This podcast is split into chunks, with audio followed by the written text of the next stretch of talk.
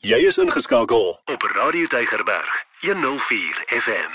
Baie welkom weer by ons geselsie weekliks waar ons vir jou wil help om lewenskwessies sommer kaalvuis aan te pak en op 'n punt te kom waar jy sê, "Maar ek, ek kies lewe." Die gas in die ateljee vandag weer is Dr. François Swart. Hy's 'n pastorale en kliniese terapeut en hy help ons op hierdie reis. Dis sy eie tyd wat hy gebruik en daarvoor is ons baie dankbaar. So Dr. François vir jou tyd vandag weer baie dankie. Hallo Lorraine, hallo luisteraars. Dr. François, 'n luisteraar vra vir my: Watter invloed het kindertyd trauma op 'n mens se beeld van God? Want die persoon sê, ek is te nagekom as 'n kind en ek sukkel om te vergewe en nou's die persoon wat my te nagekom het nog boonop dood ook. En ek het pyn en ek kan nie daaroor kom nie. Dis al soos ek sê 'n jong volwasse persoon. So kom ons kyk na die eerste deel. Kan trauma 'n mens se beeld of jou siening van God beïnvloed? Ja, Lorraine, ek dink dis 'n baie belangrike vraag en trauma is so 'n deel van die Suid-Afrikaanse samelewing as gevolg van 'n klomp redes. Ons weet armoede speel 'n groot rol. Ons weet ekonomiese werklikhede bring trauma want as jy nie geld het om kos te koop nie, mm. dan is jy eintlik in trauma.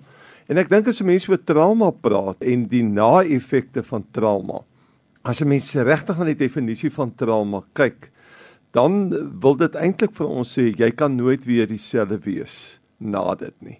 En dit is belangrik dat ons luisteraars dit verstaan. Die erge trauma se naspel is dat jy moet leer om anders te dink. Jy word forceer en jy's nie altyd baie keer lus daaroor nie. Om terug te kom by die vraag kindertrauma. Jy kry seer daaroor en jy wil eintlik dit agter jou stel, maar dan sê ons mos nou jy moet leer om met jou trauma in 'n konstruktiewe manier saam te leef. En dit is wat trauma doen. As jy dit nie so doen nie, sluk trauma jou in en kan jy in jou latere lewe raak jy verbitterd. En nou die groot ding is wat is God se rol daarin? En dit verraai baie keer hoe ons na God kyk. Mm. En ons praat mos nou van God die Vader en dan weet ons 'n groot deel van die Suid-Afrikaanse samelewing word eintlik sonder 'n pappa groot en as daar 'n pappa is, is dit baie keer nie 'n goeie vaderbeeld nie, iets om na om te sien nie. Dink seker so 30% van ons pappas is goeie pappas en Sjoe. kan jy opkyk na. Mm. Nou weet ons van Vader in in die huis, maar ons as ons by die kerk kom praat ons van ons se Vader mm. en dan sukkel ons jong kinders om die vaderbeelde altyd mm. bymekaar uit te bring. Nog 'n ding is ons ons hou van wenners, wenners, wenners. Ons dra dit ook oor na ons godsbegrip toe. God moet die sterkste wees. Hy vat nie nonsens nie. Ons praat ook in die teologie van triomfantalisme. As die Here aan my kant is, gaan alles vir my uitwerk. Sosiale voorspoed, as ek net gereeld bid, as ek net gereeld in die kerk kom, God gaan die dinge vir my laat gebeur. Deure gaan oopgaan, soort van 'n voorspoedsteologie. Dit is egter nie wat ons in die Bybel kry nie. Die die, die daardie soort van God is eintlik die Griekse God, Zeus. Ja. Ons praat eintlik van Zeus, nie God die Vader nie. Mm. Want as ons kyk na die verbondsgod van die Ou Testament, is hy van die begin af, van Adam en Eva, is hy te midde van hulle trauma en hulle onsekerheid wat hulle oor hulle self bring. Kon hy hulle verwerp het, maar hy gaan met hulle op weg mm. met die verbond in Genesis 9, later weer in Genesis 12 en dan as Jesus kom, word ons skielik met 'n godsbeeld gekonfronteer wat die risiko loop dat hy gekruisig kan word. En eh, die gekruisigde God is klink nie vir ons altyd soos 'n wenner nie. Die gekruisigde God lyk vir ons na 'n pynlike soort van proses waardeur hierdie God gaan. 'n God wat bloeddruppels sweet, 'n God wat huil, Jesus wat huil by geleentheid toe hy op die Olyfberg is oor Jerusalem. Dis om terug te kom by die vraag is as jy self seer gekry het as gevolg van ander mense in jou lewe, moet 'n mens baie versigtig wees om dit so vinnig na God toe te vat. Mm. Want dit is deel van die gebroke wêreld waarbinne ons leef. God is nie daar om vir ons dinge moeiliker te maak nie, maar in Psalm 23 sê hy, al gaan jy ook in 'n dal mm. van doodskade wees. Ek wil net vir jou sê jy gaan nie alleen wees nie. Ek is al daardeur, maar ek gaan saam met jou mm. daardeur. Dis hierdie luisteraar wat hierdie vraag vra. My kinderjare is so seer en ek voel so sleg wat hierdie ou my gedoen het of die persoon wat nou al reeds heen gegaan het. En nou weet ek nie wat om dit te doen nie. Ek dink sy moet definitief handel met haar gevoelens. Haar gevoelens moet of sy gevoelens moet erken word.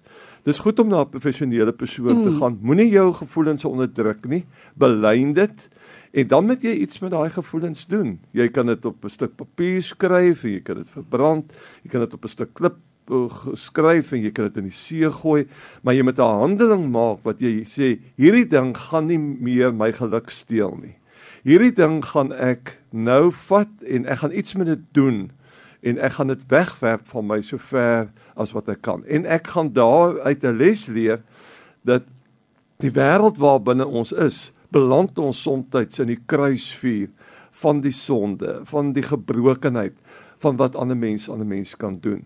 Maar ons het vir Jesus wat ook vir ons leer hoe om dit te oorwin in 'n konstruktiewe manier.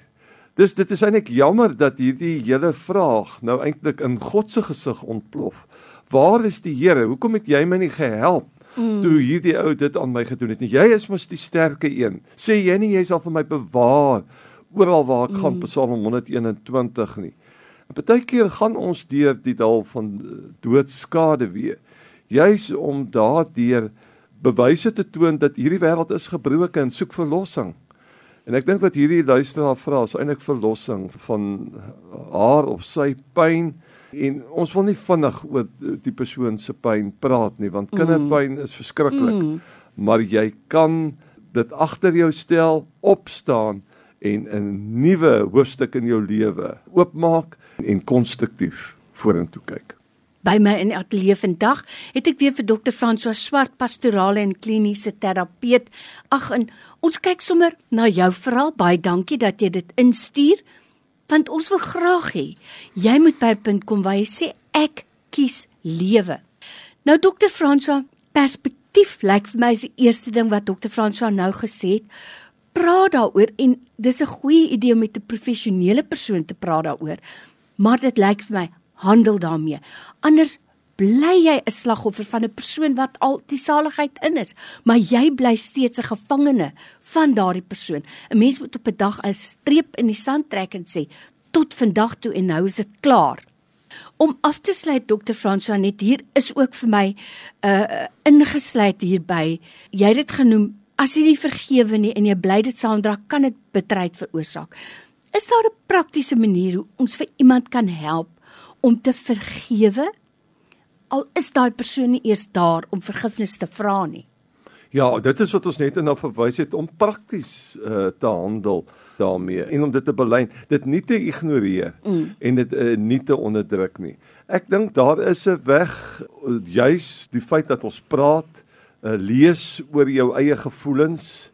En ons moet ook wat ek dink die Bybel vir ons baie mooi leer, in die eerste bladsye van die Bybel en veral in die lewe van Dawid is ons ons moet wegdoen, ons moet afstand doen van 'n manier om na situasies te kyk en altyd in blameering in te gaan. Mm. Om 'n soort van 'n victim daarvan te word. Nou in hierdie geval is hierdie persoon 'n victim. Mm. En uh dis dit is nie so dat in alle omstandighede is moet nou nie vir jouself sê jy is 'n victim nie. Jy is 'n victim. Mm. Maar uh, deur dit te erken help dit jou geweldig om te sê goed, dit het nou met my gebeur mm. en dit is die uitwerking wat dit op my gehad het.